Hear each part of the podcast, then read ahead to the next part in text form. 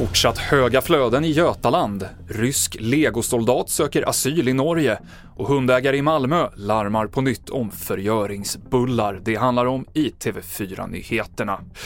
Ja, det är fortsatt hög risk för översvämningar i stora delar av södra Sverige.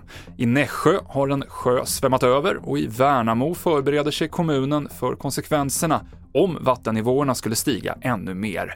Vår reporter Mikael Nilsson berättar det senaste från Värnamo. Ja, det är att det pågår nya byggnationer av barriärer här bakom mig.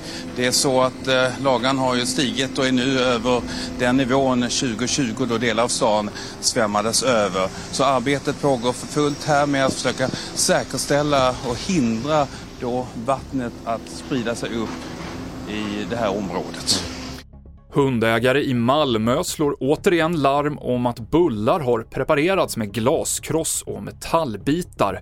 Under morgonen så har flera sådana hittats vid Pildammsparken i Malmö och en anmälan om förgöring har upprättats. Det sker när någon avsiktligt sprider gift, sjukdom eller skadedjur med avsikt att skada växter eller djur.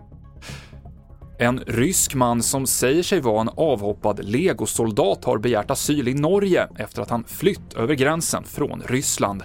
Mannen uppger själv att han har varit befäl i privatarmén Wagnergruppen, som är känd för sina brutala metoder. Det är ett väldigt viktigt vittne. Om man till och med har varit i befälsställning så kan ju Eh, det har stor betydelse när man sen ska peka ut andra personer som ska ställas inför rätta i en tribunal. Det sa Rysslands kännaren Malcolm Dixelius. Vi avslutar med tennis. Under natten svensk tid så drog årets första Grand Slam-turnering, Australian Open, igång.